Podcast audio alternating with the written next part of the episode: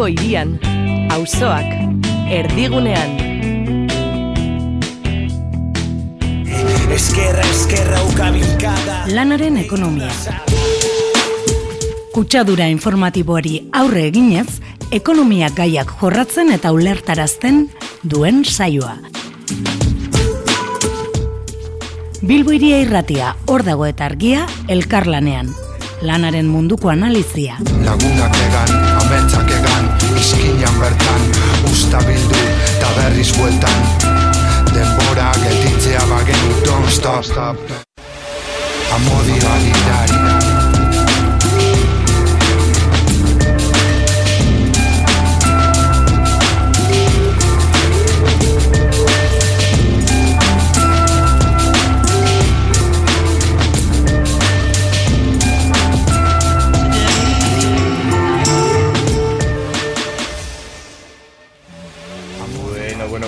hemen gaude berriro ere lanaren ekonomia saioa egiteko Bilbo iria irratiko estudioetatik zuzenean e, beti ere Bilbo iria irratia, argia, esalto radio eta hor dagoen arteko elkarlana baita ere arrozesareko beste irratiei eskerrak emotea gure irratsaioa, gure larogeita amase garren irrati saio hau zabaltxagatik. Gurean gaur, beti bezala, e, e, Inez Agirre Azkuenaga, kaixo Inez? Kaixo egunon. Gaur gure gonbidatu berezia, Andrea de Vicente, EHUko lan zuzenbideko irakaslea, kaixo Andrea? Kaixo egunon. Eskerrik asko Bilberian estudiora etortzeagatik. Zeui. E, gaur bebai e, telefonaren bidez izango dugu e, zuria hartza, e, UGT Euskadiko zuzenderitzako kidea, e, kasu honetan, ba, ne- orain dela hilabete bat, hil zen Nikolas Redondo sindikalista eta politikari historikoa, e, e, o, ba, oroitzeko, bere ibilbidean inguruan, eta baita be, politikagintza eta sindikalgintzan arteko harremanak aztertzeko. Gero esandako beba bezala, Andrea de Vicente atxuko irakaslearekin e, aztertuko dugu Espainiako lan politika eta bereziki orain dela urte bat e, bu- bultzatutako lan erreformaren inguruan eta baita ere beste lan politikan arlo, arlo batzuk e, aipatuko ditugu baita ere. Eta bukatzeko eta betiko beti bezala, gure argia atalean gaur, Gorka Peña Garikano, argiako kasetaria, e, osasun gintzan arloko politikak, bereziki privatizazioa, ez bakarrik osakidetzan, baina baita ere Espainiatik datorren lege aldaketak zelako bidera garritasuna motentxo horrelako privatizazio prozesuei, justo gaur, Nafarroako osasun gintza eta sektore publikoan greba egun potente bat hasi berri denean. Horregaz eta beste betiko bezala betiko martxan, aurrera.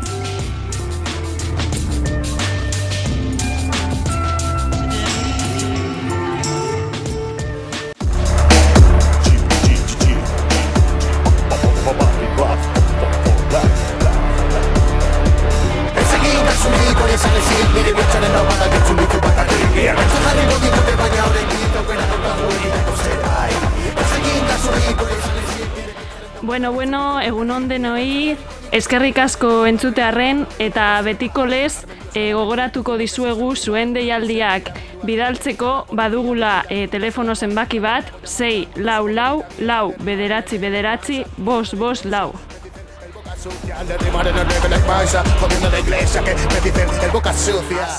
Martzan dauden grebei dagokionez, Zaratamoko eta Seberioko vulkanizado zuluaga enpresako langileak greba mugagabean daude gaur bosteun dalaro malaugarren egunez hitzarmenduin baten alde. Bizkaiko Nobaltia enpresako langileek greban jarraitzen dute mila irureun dalaugarren egunez gaur, hitzarmenduin baten alde.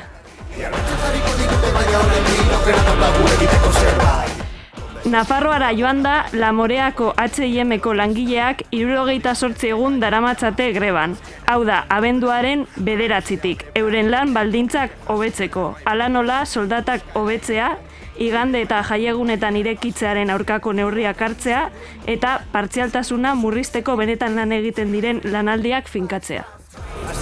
county Abertzalean naiz naiz eta behartuta Euskara igute bi estatu ilotuta baina behin Aurrera jarraitzen du baita ere urtarrilaren hogeita marrean deitutako hogei greba egunak donostiako onkologiako garbikuntzan. Hitzarmena negoziatu eta soldata arrakalarekin amaitzeko.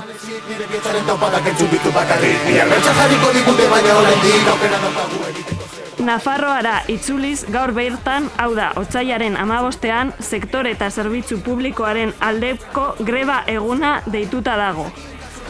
Egia, egiazko negoziazio Nafarroa lelopean zerbitzu publikoen duita, duintasuna aldarrikatzen dute. Hala nola, behin-behineko tasa euneko sortzira geistea, eta lanbide karrera denontzan. Kontzentrazioa amaika terdietan eta manifestazioa arratsaldeko bost erdietan autobus geltokitik.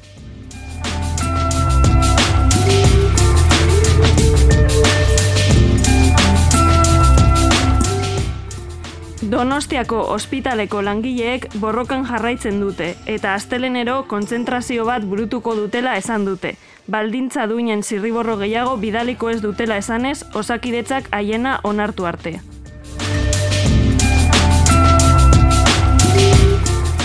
Ipar Euskal Herrira abiatuz, erretiro duin baten aldeko borrokak martzan jarraitzen dute. Bihar, otsaiaren amaseiean, goizeko amarterdietan, gare de Baionan, manifestaziorako deialdia dago. Denontzako erretiro hobea eskatuz.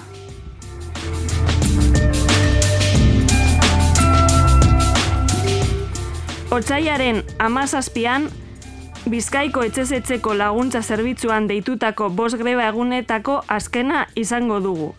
Langileek salatu dute patronalek eta udalek zerbitzua prekarizatzen jarraitzen dutela.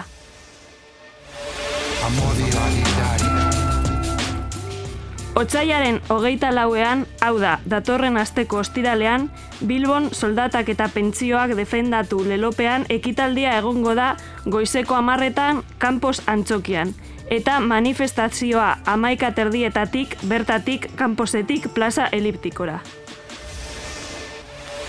Amodio agitari Otsaiaren hogeita bostean, salbemos osakidetza, salba dezagun lelopean, greba eguna deituta dago. Amabietan, ego Euskal Herriko hiru hiriburutatik irtengo dira mobilizazioak. Bilbon, Jesusen bihotzetik, Donostian Bulebarretik, eta Gasteizen, Andra Mari Zuriaren plazatik, amabietan.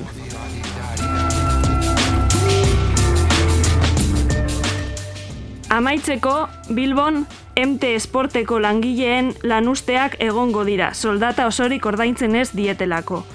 Lau hilabete daramatzate langileen nominak txarto ordaintzen. Lanusten datak hauek izango dira. Otsaiak hogeita zazpi, astelena, bederatzietatik amabietara, goizeko bederatzietatik amabietara, Otsaiak hogeita sortzi asteartea arratsaldeko lauetatik zazpietara, martxoak sei astelena lauetatik zazpietara, martxoak zazpi asteartea goizeko bederatzietatik amabietara.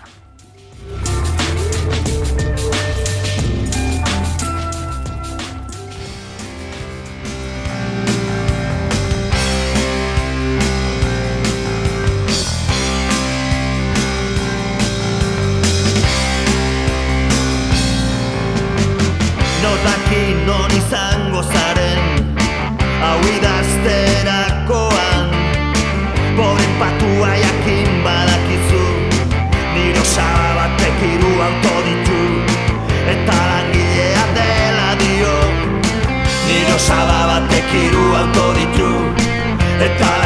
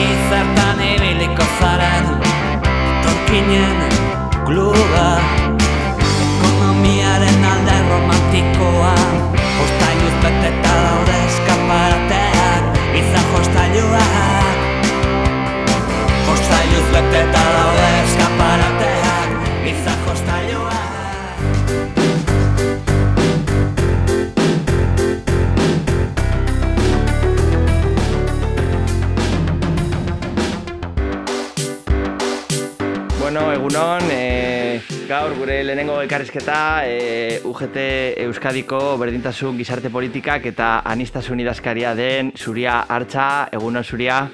Egunon, Jon. Kaixo, bueno, e, pasadan urtarriaren e, lauan, e, Nikolas Redondo, UGTko e, buruzagi e, e, historiko oso importante bat e, hil zan, eta, bueno, ba, zuen, zuen e, sindikatuko eraikuntzan e, oso pertsona erabakigarria izan dana, ez? E, konta, kontatu aldi guzu apurtxu bete nor zan Nikolas Redondo eta zen izan zan bere ibilbidea? Bai, e, ba, bueno, Nikola Redondo zen e, gizon komprometitua, koherentea eta eta ausarta, gure ustez. E, antifrankismoan, transizioan eta demokrazian funtsezko figura izan zen, e, dudarik gabe, eta, bueno, ba, ba zoritxarrez gure errefen- erreferentetako bat e, joan zaigu. E, bera gabe sindikoa, sindikalismoaren eta UGTren historia litzateke berdina izan, gobor- borrokalarien ezina izan zen, langileen eskubideen defentsan, eta beno, ba, esan dudan bezala funtsezkoa izan zen adibidez transizioan e, Monkloako itunekin. Garaiko inflazio handiari aurre egiteko neurri ekonomiko eta sozialekin. Eta gero, ba, e, baita, e, mila bederatzi egun eta la- laro gehian, langileen estatutoa onartzean ere, ba, bakarko onarpena izan zen. Bera, ados egon zen, eta gaur egun, e, giltzarria da lan harremanetan. E, bestalde, ba, askatasun sindikalaren lege organikoa onartzeko ere funtsezkoa izan zen, eta gaineran ez zuen e, arazorik izan e, gobernu sozialista batek onartutako langileen aurkako politiken aurka egiteko, eta alaz ikusten dugu, ba, mila deratzireun eta larogeita sortxiko greba orokorrean. Baina ez hori bakarrik, eh, baizik eta ados ez zegoen politiken ondorioz, ba, diputatu kargua utzi zuen. Ondoren gainetik eh, autonomia sindikala jarri zuen, gobernuen eta eta alderdi politikoen aurrean. Eta gure ustez oso garrantzitsua da, eta bueno, ba, ba, ikusten dugunez durari gabe funtsezko figura. Bueno, Bai. eh, berez eh, eh, Pablo Elordui, el saltoko kasetariak eh, ba, eh, urtarrian egindako obituarioan asaltzen duen bezala, ba, bere ibilbidea bada eh, funtsezkoa ez bakarrik eh, sindikal gintzaren eh, bilakaera ulertzeko, baizik eta Espainiako politika bera, eh, zelan eh, ba, diktadurako oposizioko indarretatik, non eh, Nikolas Redondo kartxelan eh, egon zan, UGT zuen sindikatuaren berrere kuntzan pertsona funtsezko, oza, gi- gi- giltzarri bat eh, izan zan, eta gero zelan, ba, zuk aipatutako itunetan, eta bueno, ba, purtsu bet, eh, eredu em, dialogoan edo, edo, edo negoziazioan ona- eh, oinarrutako eh, ba, lan harremanak eh, eraikitzeko hori, baina klaro, gero zuke aipatu duzu moduan, badago be bai austura moduko bat, e, ba, importantea izan dana UGT-aren eta orokorrean Espainiako eta baita Euskal Herriko sindikalismorako autonomia, ez? Politikarekiko autonomia horretan, eta hor, ba, em, apurtu itoa izan da, mila beratxion tala sortzian, inoiz Espainian egon da, greba orokorrik eh, importanteena egon zala, eta hori bera, eh, González presidentea, eta, eta, eta mm, eta redondo Bai, sindikalistaren arteko ba harremanak eh, tx- txartu zuten. Gero jarraipen bat badago larogita margarren amarkadan be bai ba hor op- zuen sindikatuaren oposizio osena egon zan, PSOE gobernuan egon arren, eh, aldi baterako enpresak eta aldi baterako kontratazioan eh, oinarritutako lan harreman prekarizazioaren aurka egin dozuelako be bai. Ez zelan bizi izan da kasu honetan ba, historikoki UGT eta PSOEen arteko harreman horietan austura hori eta bueno, zen izan da gerora berrera horiek eh, hobetzeko edo berrera ikitzeko aukera. Bueno, ba, gure ustez gaur egun ere oso importantea da, ba, hori, ba, gure autonomia. Autonomia sindikala, ba, zerbait egiteko edo ez. Eta ez ba gaude ados, ba, politika batekin, ba, hori, ba, mobilizazioak egiteko. E, edukitzea, ba, ba, askatasun hori, ezta? Gure ustez importantea da, zergatik ez. E, gure lehentasuna dira e, langileak eta eta ho- horrek daude haiek dira gure hori gure lehentasuna. Beraz, e, beti daukagu ba autonomia hori buruan, bai. Eta e, gerora, gaur egun, e, azken e, a, bi amarkadetan, ba, bueno, ba, nahiko gora beratxoak izan dira, ez, ikuspegi sozial batetik, 2008ko krisia, gero pandemia etorri da, eta, bueno, ba, zein da apurtxu bez zuen e, sindikalismotik egiten duzuen diagnosia, zein da e, eredu sindikalaren e, ba, sendotasuna Espainiako, bueno, ba, komisionesekin, ez, partekatzen dozuen e, e, ba, hartu emon horretan, edo zein da zuen e, ikuspegi sindikal batetik e, egoeraren e, valorazioa. Bero, ba, nire ustez e, uketeko papera e, langileen aldeko politiketan oso, oso importantea da.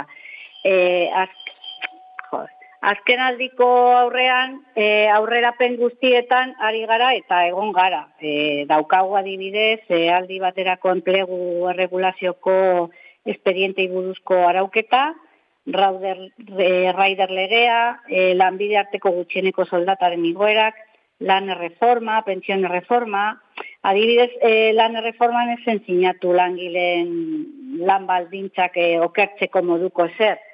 Enplegu baldintzak hobetu egin dira, eta ba, e, gure ustez elkarrizketa soziala oso garrantzitsua da, bai estatuan, bai Euskadin.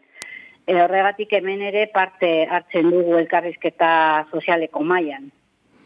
Eta beno, ba, sindikatuen zeregina oso garrantzitsua da eta askotan hartzen dugu, baina legeak sortzen ditugu e, itxarmen kolektiboak eta adibidez ba, berdintasun planak negoziatu eta e, sinatzen ditugunean. Horiek dira lan eremua arautzen duten arauak ezta eta gure zutabeak dira ba, elkarrizketa, proposamena, negoziazioa eta eta mobilizazioa ere bai. Moten dau, e, ba, hori ez, baita la, lan erreformaren ondorioz, e, kontratazio ereduaren ba, hobekuntzak eh, aipatzen dituzu, eta baita ere, negoziazio kolektiboaren berre, berrindartxe bat hauela, itun gehiago sinatzen ari dira, eta bereziki, gure kasuan Euskal Herrian, ba, Bai. emoten dauela, amen sinatzen ari direla, eta, bueno, ba, estatazio maia, estatalizazio maia jisten ari dala, baina e, lan erreformatik eta bere ondorioetatik aratago, e, e, claro, zuek, e, larogeiko amarkadan aipatu dugun, austura hori peso eta ugeten artean, ez dakit e, bitartean Zapaterokin zelan joan zan asuntoa, baina, bueno, Zapateron e, gobernuaren amaiera nahiko e, apurtxu bete zaratatsua, ez? Europatik inposatuko dimisioa eman zuelako. Gaur egun, e, ze, ze valorazio egiten duzu Espainiako koalizio gobernuetatik, eta zein da zuentzako UGT-ren erronkak, ez? E, egungo egoerari aurreiteko, langileriaren aldeko politikak egiteko. Uhum. Vale, ba, bueno, eh, gaur egungo gobernuaren politika buruzko valorazioa oroar da positiboa. E, lan arloan, e, esan dudan, lehen esan dudan bezala, ez da, akordioak lortzen ari gara. E, parte hartzea ematen zaigu. Adibidez, ba, ba, hori, erreformak egin dira, e, ala nola lan erreforma eta pentsione erreforma, baina oraindik ere hainbat e, gai negoziatzen ari dira, eta bestalde e, lanbide arteko gutxieneko soldata igo da.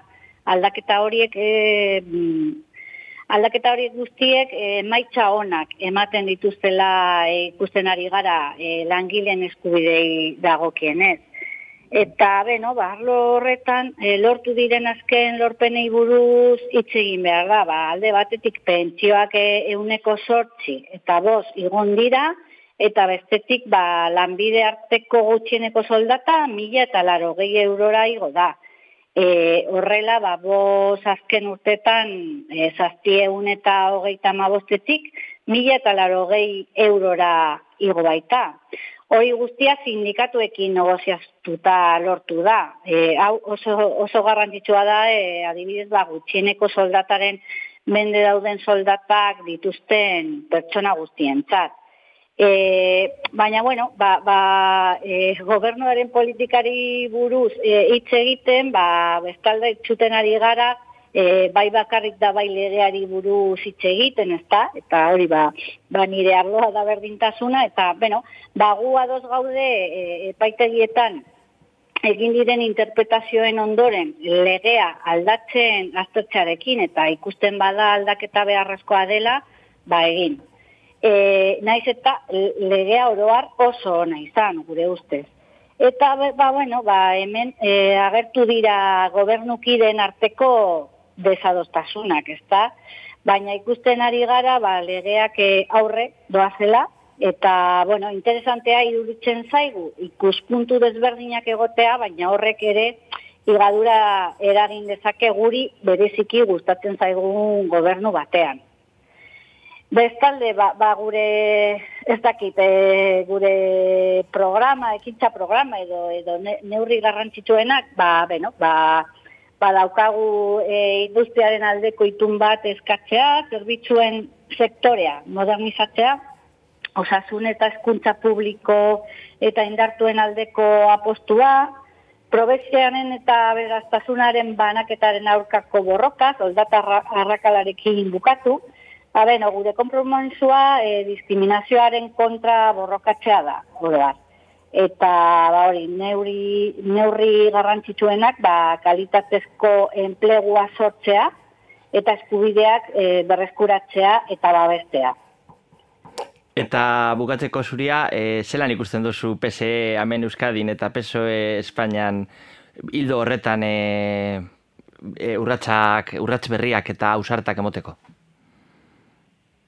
Mm, bai, zein, zein arlotan esaten duzu? E, arlo, zu, aipatutako arlo horietan, e, zuen e, erronka horietan, e, oza, pentsatzen duzu, esperantzatu zazagoz, edo pentsatzen duzu ba, lortuko Mm. direla urratxorik emotea, e, go, batez be Espainiako gobernutik egongo direla urrats berriak?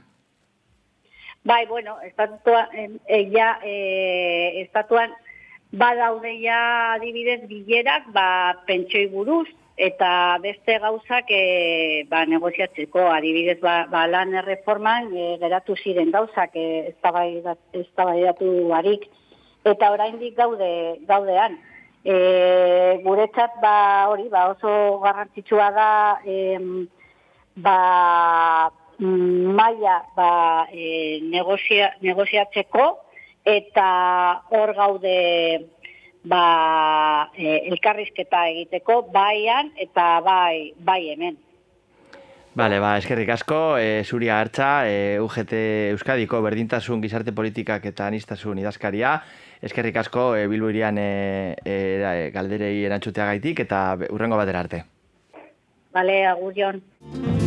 Bizkaia maite Atzo goizean ikusi zintudan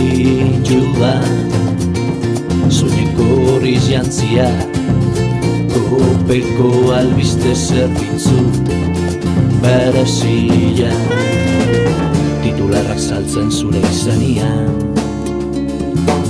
Gorriz pintatu Dituzte zure kalia Gobernador zibil baten autoazpila. Barne ministro baten Azken deklarazioa Ba Pepa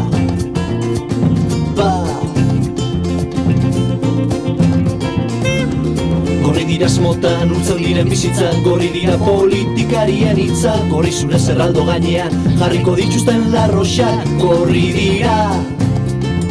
Zukalde proletarioa gorri Amaika osiki Kaiolako ateak iriki zizkidate.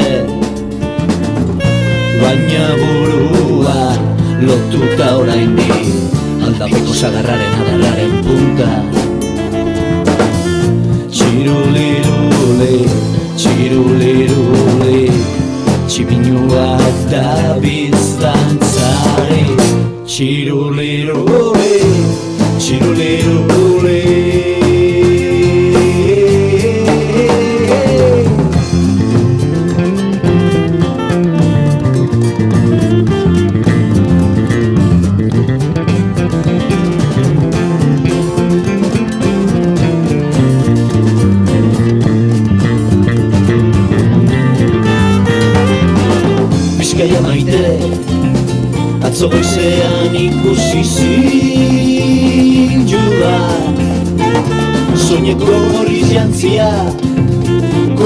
Kopeko albiste zerbitzu Berazia Gorri dira esmotan utzan diren bizitzak Gorri dira politikarien hitzak Gorri zure zerraldo gainean Jarriko dituzten larroxak Gorri dira.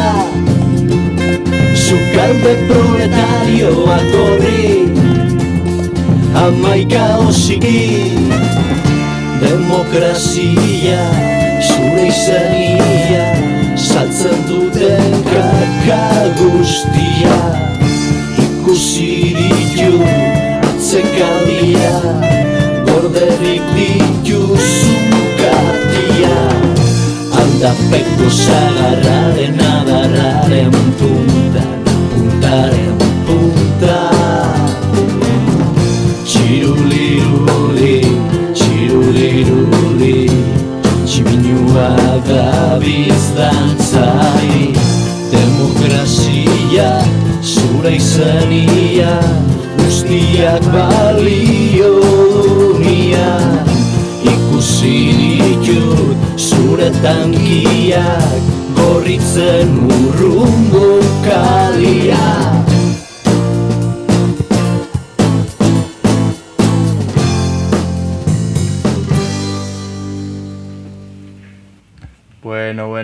bat gehiago taldearen gorri abestia entzun eta gero, gure gaurko e, e, sola saldi nagusiragoaz, Andrea de Vicente, EHUko lan zuzenbideko irakaslea. Kaixo, Andrea? Kaixo, egunon. Bueno, e, oindela aste bat eta erdi uste dut, oindela marregun bueltan, e, lan erreformaren onarpen salapartatxu hori horren urte hurrena e, ospatu dugu batzuk, eta kasu honetan e, gogoratuko duzu agian e, Bilburia erratiko entzuleek, e, hemen zuzeneko, kongre, Espainiako Kongresuko jarraipen, zuzeneko jarraipen egin gendula, eta zelako ba, egoera egon zala, orain e, sartuko gara ikuspegi juridiko, zuzenbide ikuspegi batetik e, Andrearekin e, e, analizia egiten lan erreformaren inguruan, eta bueno, Espainiako gobernuaren beste lan politika batzuk aipatuz. E, bueno, Andrea, ez dakite orain e, urte bat egiten dela, zein da azteko lan erreformari buruz e, hasierako valorazioa edo, bueno, urtea ikusita eta juridikoki zure ikerketa arloko zein da zure valorazioa? Bueno, nik uste dute dagoeneko argi dagoela e, aurrera poizu handia e, suposatu zuela azkenengo lan erreforma, ez? E, orokorrean hartuta, bai kuantitatiboki, pues, e, datuak azkenean hor dauz, baina askotan ez askotan esaten ezten e, kontua edo alorra nola baita esatearen da kualitatiboki suposatu zuena, eh? Nik uste dute gizartean oso esarrita zauden topiko kontserbadori batzuei aurre egiteko oso tresna baliagarria izan zela, eta e, imaginario kolektiboan eztabaida berriak sustatzeko pues, e, baliagarria izan zela, ez? Adibidez, e, eta horri buruz zeo zer dakizu lan denboraren murrizketan e, eztabaida, pues nik uste dute indarra hartu duela neurri baten e, lan erreformak e, zabaldu duen kualitatiboki eremu, eremu horri eskerrez. E, bueno, hori haintzat hartuta, oroar nik uste dute erdibidean geratu zen e, laneko reforma e, izan zela. E, bai, ez nik uste dute horretan zalantza izi daudela, gauza zehat batzu pendiente geratu zirelako, naiz eta e, erreforma garrantzitsua izan, e, gauza batzuk esan duan moduan e, pendiente eratu ziren, ez? Egia da mm, gauza horiek ga, e, maia enganean egon zirela, seguramente aurrera eraman ezin izan zirela testu inguruagatik, pues gogoratu ezagun in extremis egin dako pizkat lan reforma izan zela, Europar batasuna enpresioaren eraginez, eta bar, eta bueno, e, pendiente geratu ziren gaien aurrean, pues e, noski azpi kontratazioan ere, ere muan, autonomo faltzuen arte e, kontra borrekarzeko neurria falta ziren, eta nik uste dut ezagunena, pues kalearatzean kontuan. Eh? E, kontuz esan beharra hau ere bai, pues, e, kalea, kaleratzen gaian gainean ez bazen eze bezaldatu e, behintzatzearka zeo zerein zelako.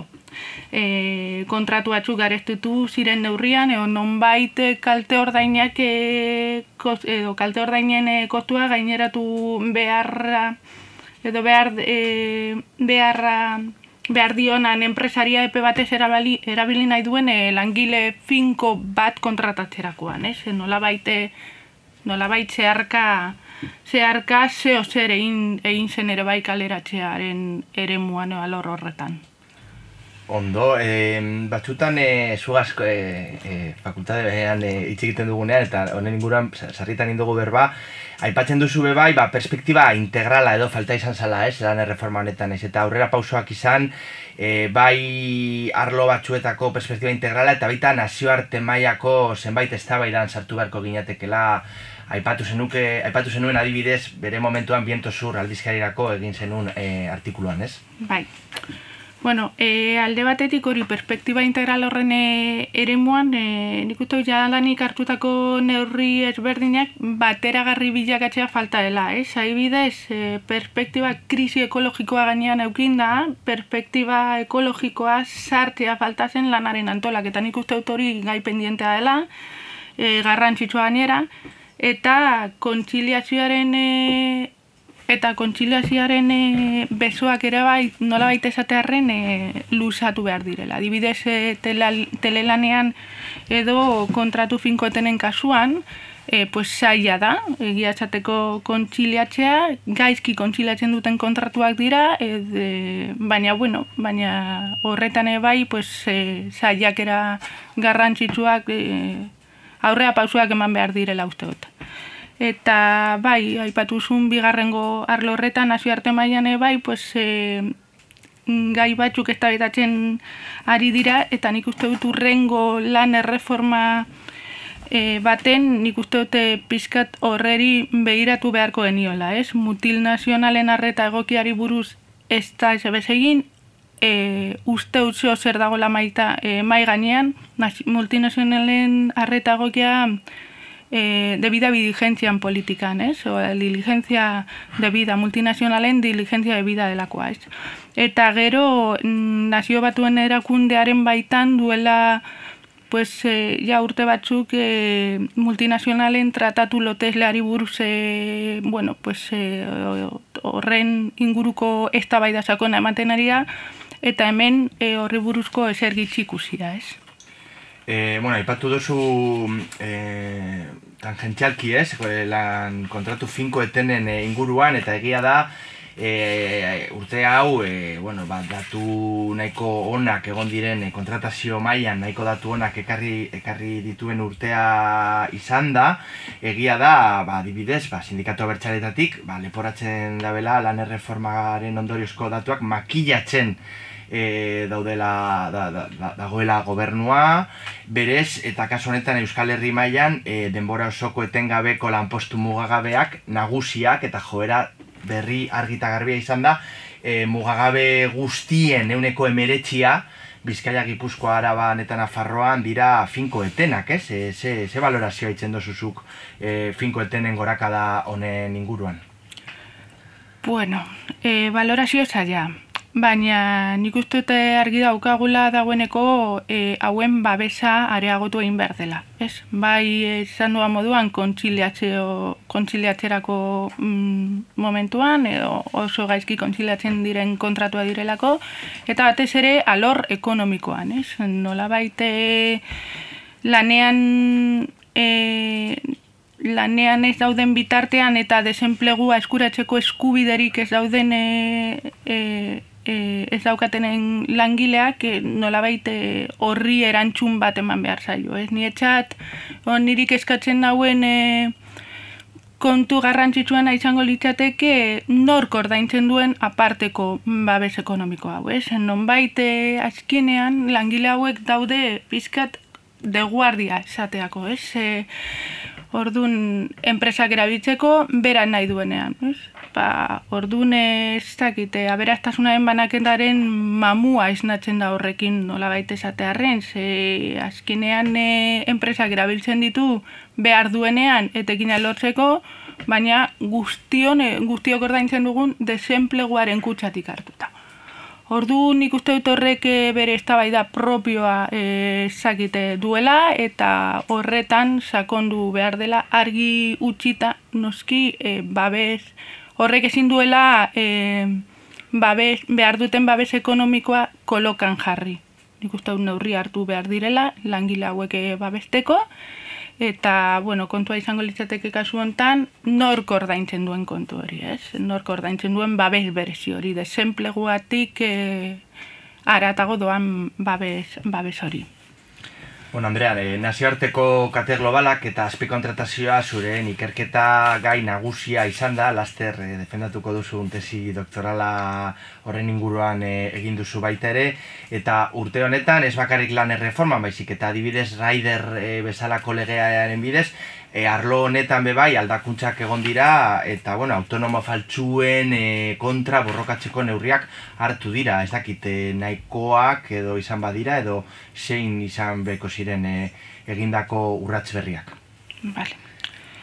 E, nigo, nire gustatzen zaigo horatzea pizkate Raider legear lan erreforma lan erreformaen aurretik hartutako neurria zela, eh? Zentzu horretan erreforma aurrekari garrantzitsua izan dela e, esan genezake eta gainera gaur egun Europa Europar batasuneko mailaen gainean dagoen zuzentaragoaren eredu izan zen, ez? E, bueno, garrantzi handiko aia da, e, langile kopuru potente baten eraiten duelako, Euskal Autonomo Erkidegoan haibidez mila sortzireun, gitzu gora bera, mila zeireun, mila sortzireun e, e, rider daudela kalkula egiten da, estatu mailan, bueno, pizkate zaila da, zenbakiak emoteo, baina esan hori da hogeita mar mila rider inguru daudela, baina raider e, legearen erainkortasuna itzela izan zen. Sektorean lan kontratuen kopurua, sindikatuen datuetan, bikoizte oin zuelako hilabete batzuetan, eta lan ministerioaren azkeneko datuen arabera, pues, sektorean izan dako lan kontratuen igoera, euneko, eun e, eta iruro eta zazpiko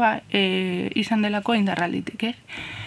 Azkenengo garaiontan, borroka izaten ari da gogorra, ez da berria, Kalifornian nahi bidez, mm, e, antxeko e, ibilbidea intzelako, bai e, jurikoki eta baita e, neurri juridiko horiei emandako erantzunean. Eta gaur egun, e, bueno, hogei mila raider inguru mantentzen dira autonomo faltsu ezala, ez? Bueno, nik uste garrantzitsuena dela e, hori, mm, Raider legea bakarrik erain zuela e, banaketa plataformen e, banaketa plataformetan lan egiten zuten e, langilei, ez? E, literalki, presunción de laboralidad en el ámbito de las plataformas digitales de reparto, ez? Horrez esan nahi du, bueno, ez duela inolako eraginik beste plataformei ez sektoretako autonome, autonomo faltzuei, ez? E, bueno, garrantzitsua, larria da egoera, hau, edo, edo gai hau autonomo faltzuen goraka da ikusita. E, bueno, kalkulatzen da mila tamazortzi mila, di mila tamazortzi di mila tameretzi garren urtetik e, urtean barkatu berreunda bogeita bos mila autonomo faltzu zeudela elkarte profesionalen datuen arabera, gaur egun iruren mila baino autonomo faltsu gehiago daudela, eh? batzutan esan hori da e, laureun mila autonomo faltsu dela. Bueno, e, nik uste dute honetan, e, bere neurre propioak eta neurre, neurri nola baitzakonak hartu behar de, mm, hartu beharko liratekela, e, azkenean e, eredu bat sustatzen dutelako, eh? urtetan zehar garatutako azpikontratazioaren ereduaren perfekzionamendua e, erakusten du, eh? enpresaririk ez, autoesplotazioa alburu, eta eta behar, ez, beraz, e, orokorrean horren aurkako neurria falta iraz. Bueno, ametik eta hor e, ados gatoz Andrea, salatu beharra, adibidez eren egun, el correo español egunkariak egindako ba, lege honen aurkako erasoaldia bere azalean, eta kaso honetan argita garbi eskubide berrien iturri, kontratazio e, berrien iturri eta autonoma faltsuen berakaderen iturri izan den lan erreforma eta raider legea, ba, erasotzeko joera, kasu honetan e, raider berak, e, beren interesak e, zalantzan jarriz, ez? Bueno, e, e, bukatzeko, e, eta berriro ere zure ikerketa arlo bereziko horretan mamia sartzen, azpi kontratazioa sarritan e, aipatzen dugu kontratazio eredua, temporalidadea, baita langabezi sarien igoera ba, falta izan zala lan erreformanetan, baina azpi kontratazioan bebai e, aldakuntzak egon direla, ez dira izan e, guk nahiko genuke bezain sakonak, baina egon egon badira, eta, bueno, zeintzu dira al, arlo honetan egon diren aldaketak, eta zein faltako ziren e, ba, aurrera egiten jarraitzeko. Bai, e, bueno, azpi kontratazioan e, egin zen egin zuen parte hartzea lan erreformak nik uste dute batzuk bizi genuela pizkata txeka betasunez, ez? E, egia da lan dauztiz ere parte hartze oso nik esaten dut kirurgikoa izan zela, ez? E, ezer gitxi aldatu zuelako, baina sekulako eraina izan zuena. E, harinaz espresuki enpresen eremuko itxarmen kolektiboak aplikatzeko lehentasunaren ezabaketa horretan, ez? Langileen estatutuko laro gehieta lau puntu bigarren artikuluaren aldaketan, ez? Bueno, e,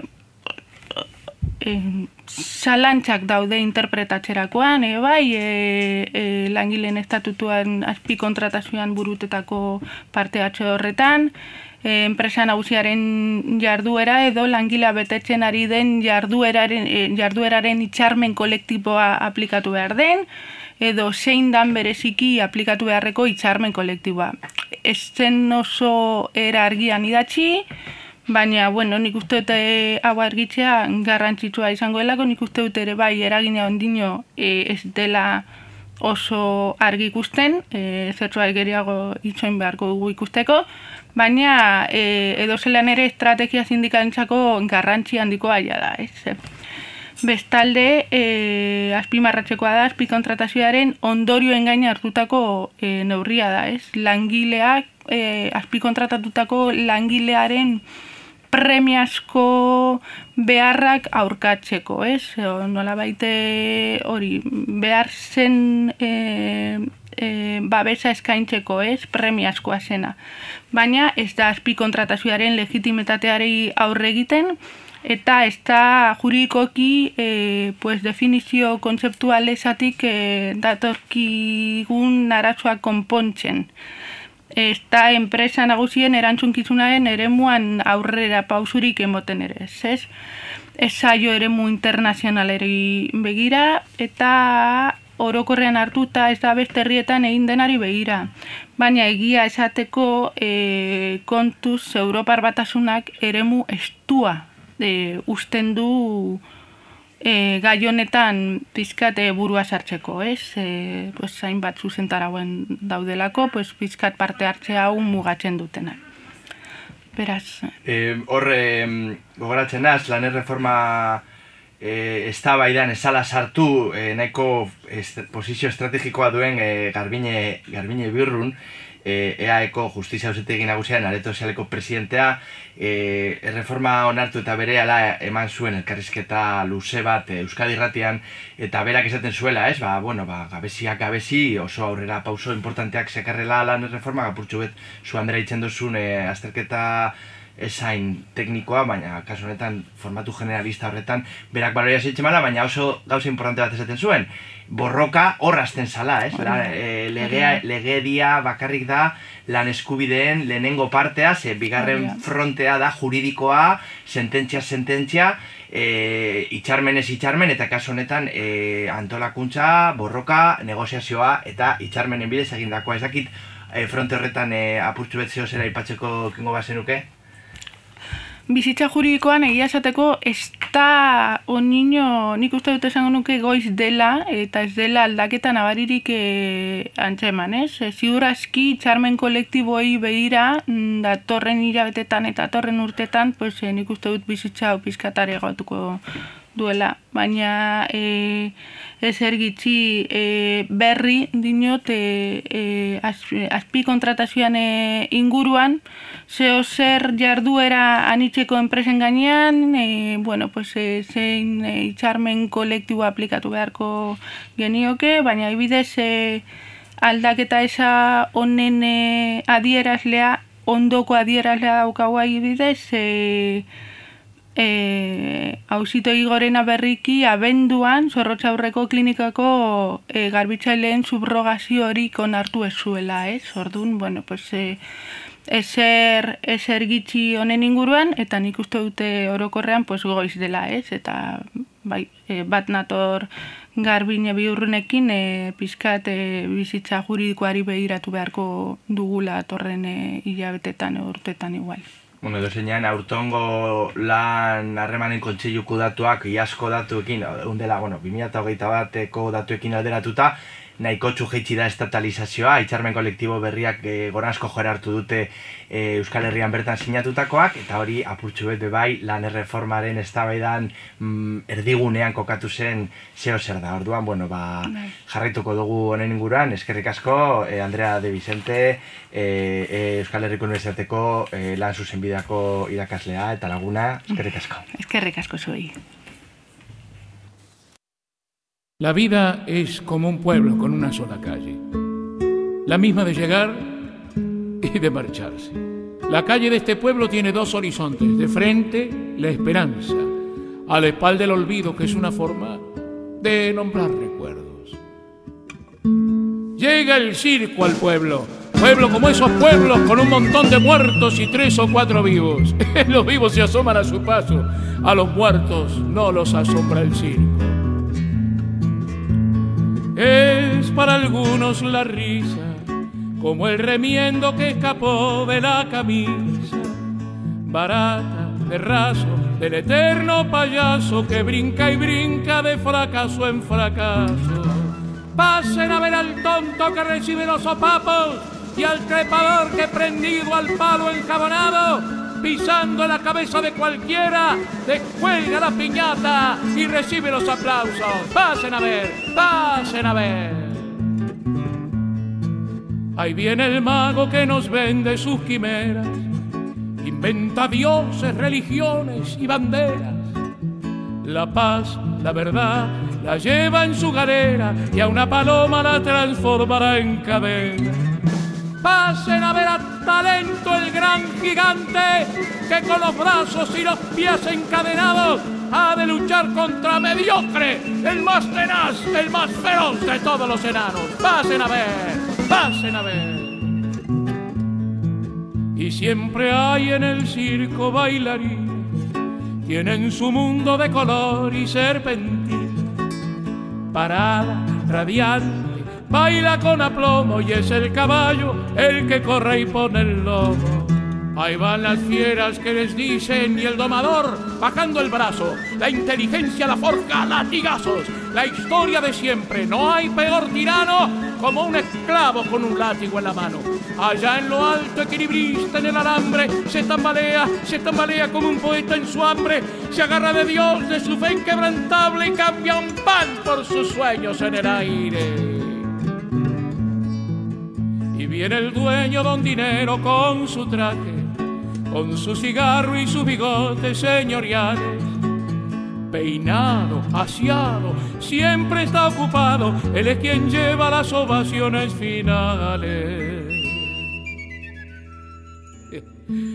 Y cuando el circo de la vida ha pasado, nos quedamos del camino en un costado.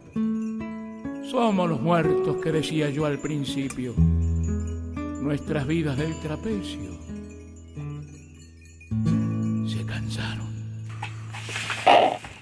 Bueno, ba, Rafael Amorren kanzion del circo entzun ostean, e, komenta dugunez osasun saiaren inguruan eta baita osakidetzan bertan ere, e, krisi ugari e, ikusi ditugu lanbaldintza eskasaz, eskasak eta privatizaziorako noranzkoak, besteak beste, eta e, oraingoan gurean ba, argiako gorka peinagarikano daukagu gurekin, egunon bai, Kaixo guardian.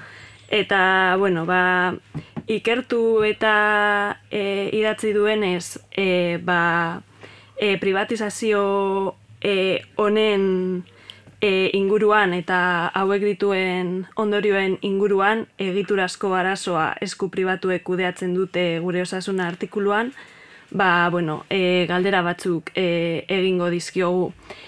E, askotan e, esaten da, ez? E, baldintza eskaz hauek edo badirela ba, pandemiaren ondorio bat edo pandemiagatik e, sortu izan dela krisi hau. Hala ere, e, zuk e, egiturazko arazo bezala definitzen duzu, ezta? Bai, bai hori da. Apur bat e, beno, gila da pandemiak noske eragina izango zuen, eta uste dut hori ezinbestean ezingo dela ukatu, e, demora batean behintzat, baina noski, e, hiru urte pasa dira, 2008ko otxailan gaude dagoeneko, hiru urte beteko dira urten, koronavirusak jo gintuenetik, eta, eta noski, oraindik ere entzuten dira politikariak, agintariak, e, esanez, ba, ba, bueno, osasun publikoaren egoera kaskarra hau horren ondorio dela, eta ziurrenik puntu bat arte izango da, baina noiz arte iraun beharko du aitzaki horrek ez da, beti aipatzen den e, eztabaida hori da, e, bueno, zergatik dago gainberan, pandemia kolpatuko zuen, e, lehenago krisi finantziarioa kolpatuko zuen, baina ikusten da, e, atzera begira hasita, ba bueno, apur bat dela e, betiko arazoa eta gero eta okerrago bihurtzen dena, ba demoraren poderioz eta apur bat e, sistemak berak daraman norantzaren arabera, ezta? Apur bat kapitalismoaren pixka bat basakeri garai honetan, e, espansibo bere izaera espansiboa apur bat e, ja e, agortzen ari den une honetan ikusten da ez barrura begirako zerbitzuak ere ba, espoliatzen, e, apur bat ustiatzen ari direla, etengabe eta aspalditik, baina esan da bezala, kanpora begira ezin duenean egin, barrura begira egiten du munstroak, eta apur bat, e, ba, hori ikusten da, intensifikatu da arazoa, baina, baina bueno, berez aspaldiko kontua da, eta horregatik da egiturazko arazoa. Bai, e, zuk komentatzen duzu e, Espainiar estatuko konstituzioak ez duela e, jasotzen e, osasuna oinarrizko, oinarrizko eskubide bezala, baizik eta e, bueno, ba, gizarte politiken atalean e, adierazten dela beharrezko prestazio guztiak jarriko direla e, osasun publikoa antolatu, kudeatu edo zaintzeko. E, lerro lausoa e, iruditu dezake edo, baina e, zer nolako implikazioak ditu edo Bai, lehen aipatzen zenuten ez, lan erreformaren inguruan e, idazten den moduak ba, eragin zuzena duela gero politikak egiterak orduan, interpretazioetan erortzen garelako, baina noski, e, konstituzioan bertan jarriko balu e, lehen puntutik esanez e, osasuna guztion eskubidea da, eta eta bueno, hartuko diren neurriak, ba, bueno, oinarrizko eskubide gisa ulertuko balira, hezkuntza librea ulertzen den gisan, ba, hasierako puntuetatik jartzen den bezala, Ba, bueno, akaso e, beste praktika batzuk ikusiko genituzke, baina noski gizarte prestazioen alorrean ikusten da, e, osasunaren, ba, bueno, osasunaren eskubidea herritar guztiok dugula eta bizitzeko eskubidea dugula, baina ez da dirazten zer egingo den horren aurrean, ez? E, apur bat, bueno, e, osasuna hor kolokan ikusi daiteke, ba, bai onartzen da, osasuna guztiontzako egongo dela eta prestazioak emango direla, baina, baina, bueno, e, esan nahi dudana da, e, legean ez bada inargia dirazten eta gero eta beranduago edo gero eta horri alde batzuk aurrerago jartzen bali maduzu, ba, bapor bat hortzen lauso geratzen da eta praktikak eneiko airean geratu daitezke. Bai, e, legeak e, babestu egiten du ba, osasunarekin e, atera daitekeen eteke, etekin ekonomiko hori. E, zuk e, aipatu egiten duzu mila bederatzireun da larogeita mazazpigarren urtean, hau da, e, aznarren gobernuan, amabost, e, mila bederatzireun da larogeita mazazpi dekretua e, onartu zela edo. Eta honek, ba, eragin bat izan zuela, ez? Eta ba, zer nolako eragina izan du privatizaziorako bide honetan edo zer konta aldi guzu honen inguruan aportzo bat? Bai, hori da bat e, egiturazko arazoa eta aspalditik datorrena esateko, aspalditik datorrela esateko argudioa, ez? E. Mila bederatzeron eta laroita margaren amarkadan dagoeneko ba, hasi ziren, ez? E, hainbat aditu, e, Adolfo Suarezen eskutik, ba, txosten batzuk egiten, eta horietako bat izan zen Fernando Abril Martorell lehen e, ministro frankista izan zenak egin zuen eta aurkeztu zuen txosten bat, e, bertan aipatzen zen osasuna e, sistemarentzat etzela e, errentagarria, eta noski nola izango da errentagarria sistemarentzat, ba, azkenerako diru asautzen du hor, eta ez du etekin garbirik ikusten, ba, ikuspegi kapitalista eta sistematiko batekin, etekin ekonomikorik ikusten ez duena ez da errentagarria eta hori xe berazioen e, tesi horretan e, txosten horretan, eta horretorri ziren aldaketak, e, legealdi horretan, aznaren gobernuak onartu zuen, ba, bueno, txosten hori kasu egin, eta ar, e, arrabotsa sortu zuenaren, ba, horretorri zen aldaketa izan zen, amabos, laro gita mazazpi gisa ezagutzen den dekretua, ba, sindikatu eta eragiletatik ere, ba, oraindik ere indarra duen e, dekretu bada, e, izan ere, bertan aipatzen da, ba, osasuna bihurtzen da ordutik, eskubide publikoko, bez barkatu, eskubide pribatuko zerbitzu publikoa. Beraz, horrek esan nahi du, esku pribatua sartu daitekela zerbitzu publiko emateko e, une horretan. Eta hor ikusten dugu, ba, bueno, autonomia erkidegoena zen e, ordurako eskumena, Euskal Autonomia Erkidegoaren kasuan bederen, eta jaurlaritzak, e, PNV zegoen gobernuan, eta PNV babostu zuen dekretu bat izan zen, eta jaurlaritzak lehen unetik ba, aplikatu zuen eskubide pribatuko zerbitzu publiko izateko izaera hori. Nafarroak egin zuena, hasiera batean. Eta, bueno, ba, Kataluniak ere egin zuen, eta egon ziren horrelako, horrelako zera batzuk. Baina, bai, e, momentu horretatik aurrera beraz, enpresa pribatuak sar daitezke, e, osasun zerbitzu, osasun sistema publikoan, e, erabateko eta besteko zerbitzuak ematera, alegia e, beste erabatetik ikusita, enpresa pribatuek kudeatu ditzazkete zerbitzu publikoak direnak, esaterako ambulantziak, e, bueno, hemen ikusten da, ez, e, garbiketa, osakidetzako ambulatorioetako garbiketak eta e, nork kudeatzen ditu, ba, enpresa pribatu batek, langile pribatuak dira azkenerako, eta berez, bakaso funtzionariak izan berko lukete bai edo ez hor beste eztabaida batean sartzen gara, baina enpresa pribatuek kudeatzen dituzte zerbitzuri gehienak, eta horko prekaritatea oso handia da, eta eta hor ikusten dugun azkenerako da, ba bueno, ba zerbitzu publiko bat ematerako eh, langile pribatuek eta enpresa pribatuek esku hartzen dutela. Azkenerako osakidetzan eh, langile publikoak berrogei mila pasatxo direla kalkulatzen dute sindikatuek, ba bueno, horre gehituko bagen izkioke eh, zerbitzua berez publikoa dena pribatuek ematen dutena, ba, ba langile pila bat litzateke, orduan Horregatik diego ez, negozio handia dagoela, guztion osasuna delako, guztion behar izanak direlako, eta azkenerako, ba, pribatuek esku hartzen dute. Hori da, azkenean e, honek ba, ondorio eta desoreka ugari e, ekarri ditzake eta ekartzen ditu berez. Orduan, bueno, e, ba, desoreka hauen inguruan edo e, osotasunetik e, zeo zer gehiago komenta nahi baduzu edo. Hmm. Bai, beno, orain e, gogoan dut ez, ba, bueno, Donostia ospitalean adibidez e, reportajerako aditu batek eta mediku batek aipatzen zuen, ba, poliklinika gipuzkoa kiron enpresaren adena dago ospitala, ospital publikoaren ba, oso gertu, e, metro eskasera. Eta bihotzeko kirurgiaren kontu guztiarekin, ba, bai basauriko eta barkatu basauriko, basurtuko eta gurutzetako ba, transfusio gatazka honetan, e, donostiari begira jarretan, ba, bueno, ohartzen gara, bihotzeko kirurgia batera sartu behar duen paziente batek osakidetzan ezin duela egin, gipuzko izanik. Ez dago e, donostian zerbitzu hori. Donostian zerbitzu ematen duena da, kiron poliklinika gipuzkoan. Metro eskasera daukagu.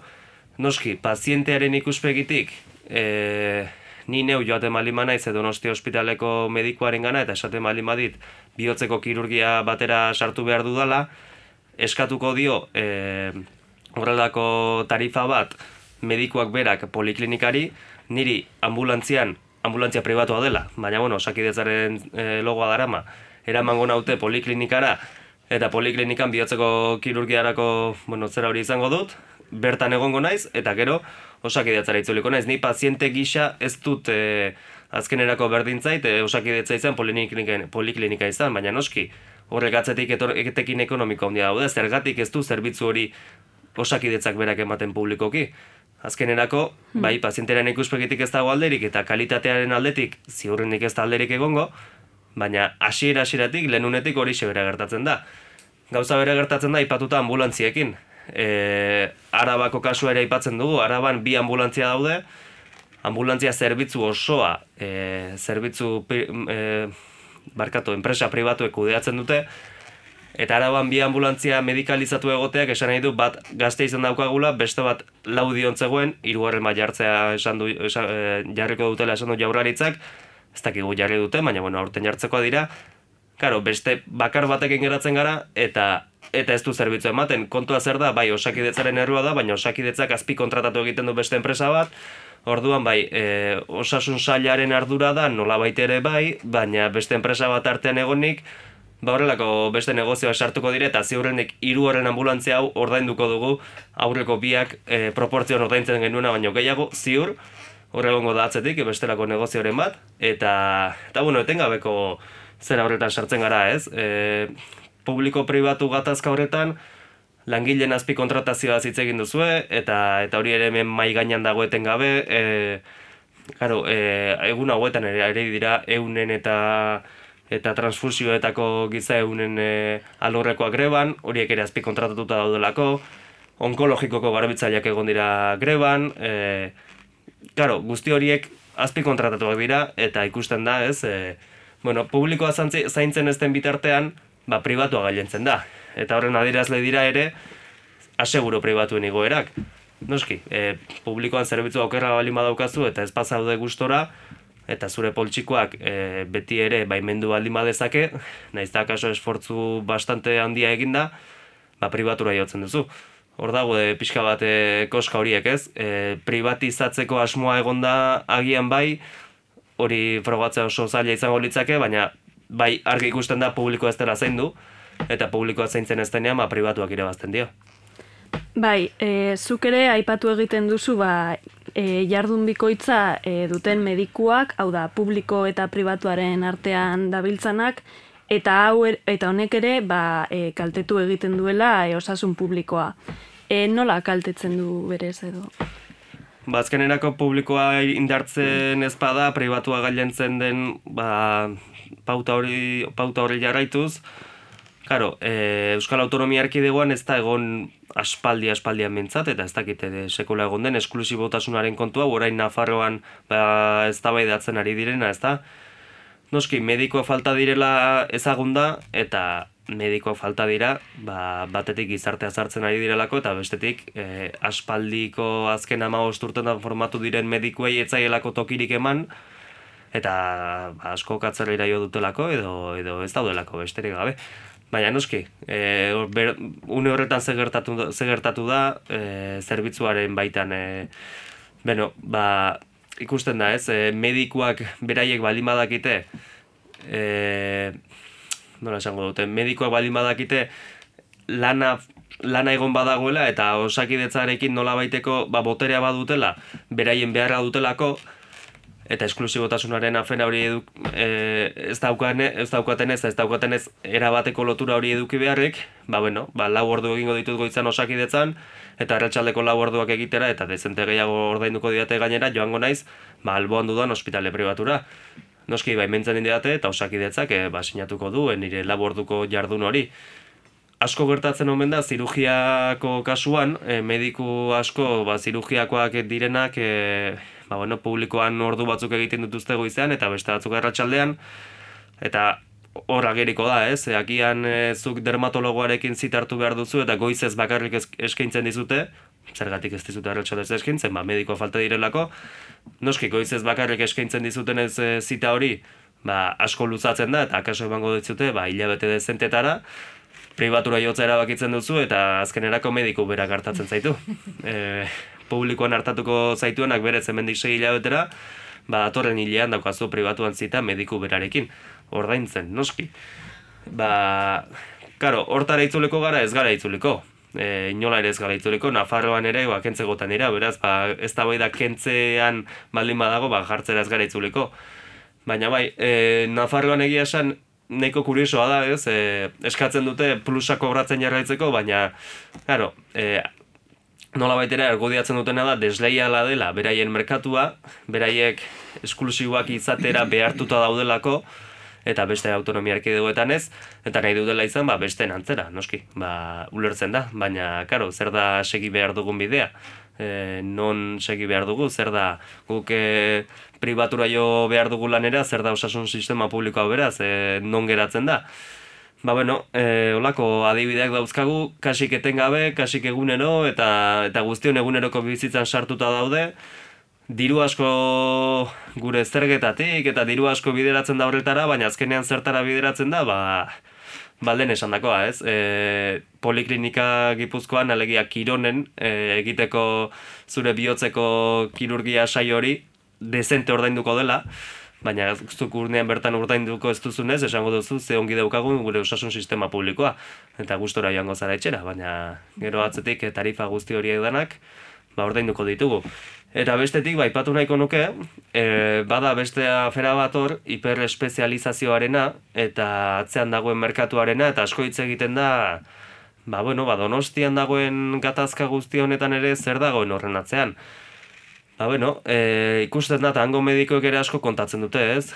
Ba, boterea eta interesa asko dagoela horren atzean, e, medikuen familiak, osea, senideek eta lagunek, ba, bueno, hori bultzatzen zaie beti, ba, ikasi zazu hau eta sartu, zaitze, sartu zaitez hemen praktikak egitera eta hemen luzamendu bat, eta karo, lehenengo eta ben, ekonomikoki e, posible izan behar duzu, hogeita marra urtera arte, e, kasi gutxi irabazten, e, hogeita marra urtera arte, bazuk horretan lanean segitzea, edo ikasten segitzea, hori lehenik eta ben, Eta gero bestetik, noski, e, sustatzen dena da hiperespezializatzea, ba, pixka batek gurutzetarekin gertatzen den gisa, hiperespezializatzea gai jakin batean izateko espezialista dagoen eskala autonomia erkideko onena, ez dakit gauza jakin bat egiteko, eta eta noski hori sustatzen da, bale oso ondo, e, oso adituak gara gauza jakin batean, baina garo, gero lehen arretara joaten zara, e, bertan nola baitera ekiditen dira, lani o, gaixotasunik eta Eta bueno, ba, gehienak e, bertara joan eta tratu hona izan ez gero, ba, gaixotasun horiek erilateke larriagotuko, eta bueno, e, lehen franja izan behar duenak ez dago helikatuta. Azkenean, inbertsio gehienak joaten bali dira punta-puntako teknologiak eta hiperespezializazio hori etengabe garatzera eta bestean nola baitere aztuta uste bali dugu, lehen barrera hori duguna, e, erritarrok, ba, ba hori gertatzen da, gero espezializazioak behar ditugu, lehen arretak kubritzen ez digulako, ezin dutelako, eta azken sei urtetan seiko iztu egin dira, e, espezializaziorako kontsultak. Beraz hor argi ikusten da, ez? Beharra badokagu, baina, baina noski, lehen barrera hori indartu ezean, joko dugu beti ere garestiagoa den zerbitzu horretara. Bai. Egoera latza, egia esan da. Eta e, artikulu amaieran aipatu egiten duzu e, osasun publikoaren inguruko lege proiektu berria edo e, nola ikusten duzu itzaropenik edo... Beno, e, lege biltzarean aurten landuko den gai potentetako bat izango da eta referentziazko izaten da beti e, urkulluren dakariak urte hasierako diskurtsuetan zer esaten duen eta zer ez duen esaten eta nor jart, non jartzen duen fokoa eta izan zen horietako bat fokoa bezkuntza legearekin batera osasun publikoaren legea izan zen. Beraz, beno, pistaren bat emango digu, ba, hortik badoa zela tiroak. Claro, zertan geratzen da, ba, aste honetan, ez aurreko astean uste dut amaitu direla e, ekarpenak egiteko eta e, alderdiek ekarpenak egiteko txandak, kusi beharko da zer alteratzen den, baina bentsat oinarria eta jaurlaritzatik asmoa adirazita dago, Eta kontua da bai, oso ondo alde batetik e, osasuna politika guztietan aplikatzeko idea hori, ba, aurrek itxura du behintzat, e, gehiago aztertuko direla estolderiak, uraren kalitatea, e, airea, bueno, ba, bai beti esaten dute ez, e, eta sagardoi askotan entzuten dugu esan ez, ez, ez dela osasuna ez dela osakidetza bakarrik, baizik eta, bueno, e, bizitzako aspektu guztietan daukagula, eta bai, ba, bale, oso ondo. Baina ez ote da izango, bueno, e, pixka bat tapadera bat bezalakoa, ez? E, lege bat jartzen digute, osasun publikoaren legea unartu da, eta begira, ze, ondo hemendik e, urte askotarako lege eder daukagu, baina agian lege honetan sartu daitezka gauza gehiago. E, osasun mentalaz ez da hitz egiten, adibidez. Badaude, bueno, e, gestioaren ingurukoak dira gehien bat, eta eta hori, osasun publikoaren legea, ba, politika guztietan aplikatu, eta bai, aldarri horrekin goaz, Baina, bueno, e, akaso aprobetsatu beharko da, eta udaberrian ere ikuste ez da sakonak ikusiko ditugula, honen inguruan, baina uste dute zer gutxik balioko duela, benetan egiturazko arazoa dagoenari, ez pasaio bentsat e, errotik heltzen, ba, arazoak hor jarreltuko du, nik uste dut. Bai. Bueno, ba, eskerrik asko e, gurekin e, egoteagatik, Bai, eskerrik asko zuei.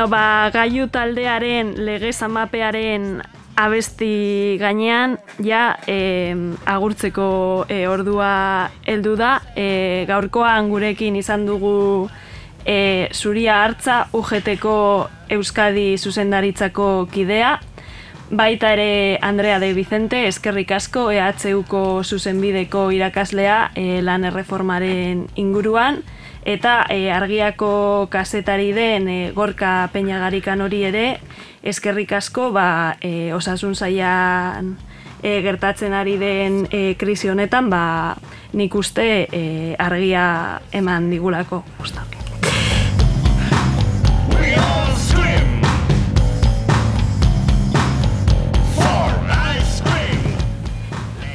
Lanaren ekonomiako larogeita amaseigarren e, saio honetan, ba, betilez, e, eskerrik asko bilboiria irratiari eta elkarlanean ari diren argia, El Salto Radio eta hor dago, e, azkenean e, ba, elkarlanaren ondorioz e, programa e, aurrera doalako eta baita arrosa azareko e, beste irratiei ere eskerrak emateko. Eta bi aste barru, ba, laro mazazpigarren saioan e, elkar entzungo dugu.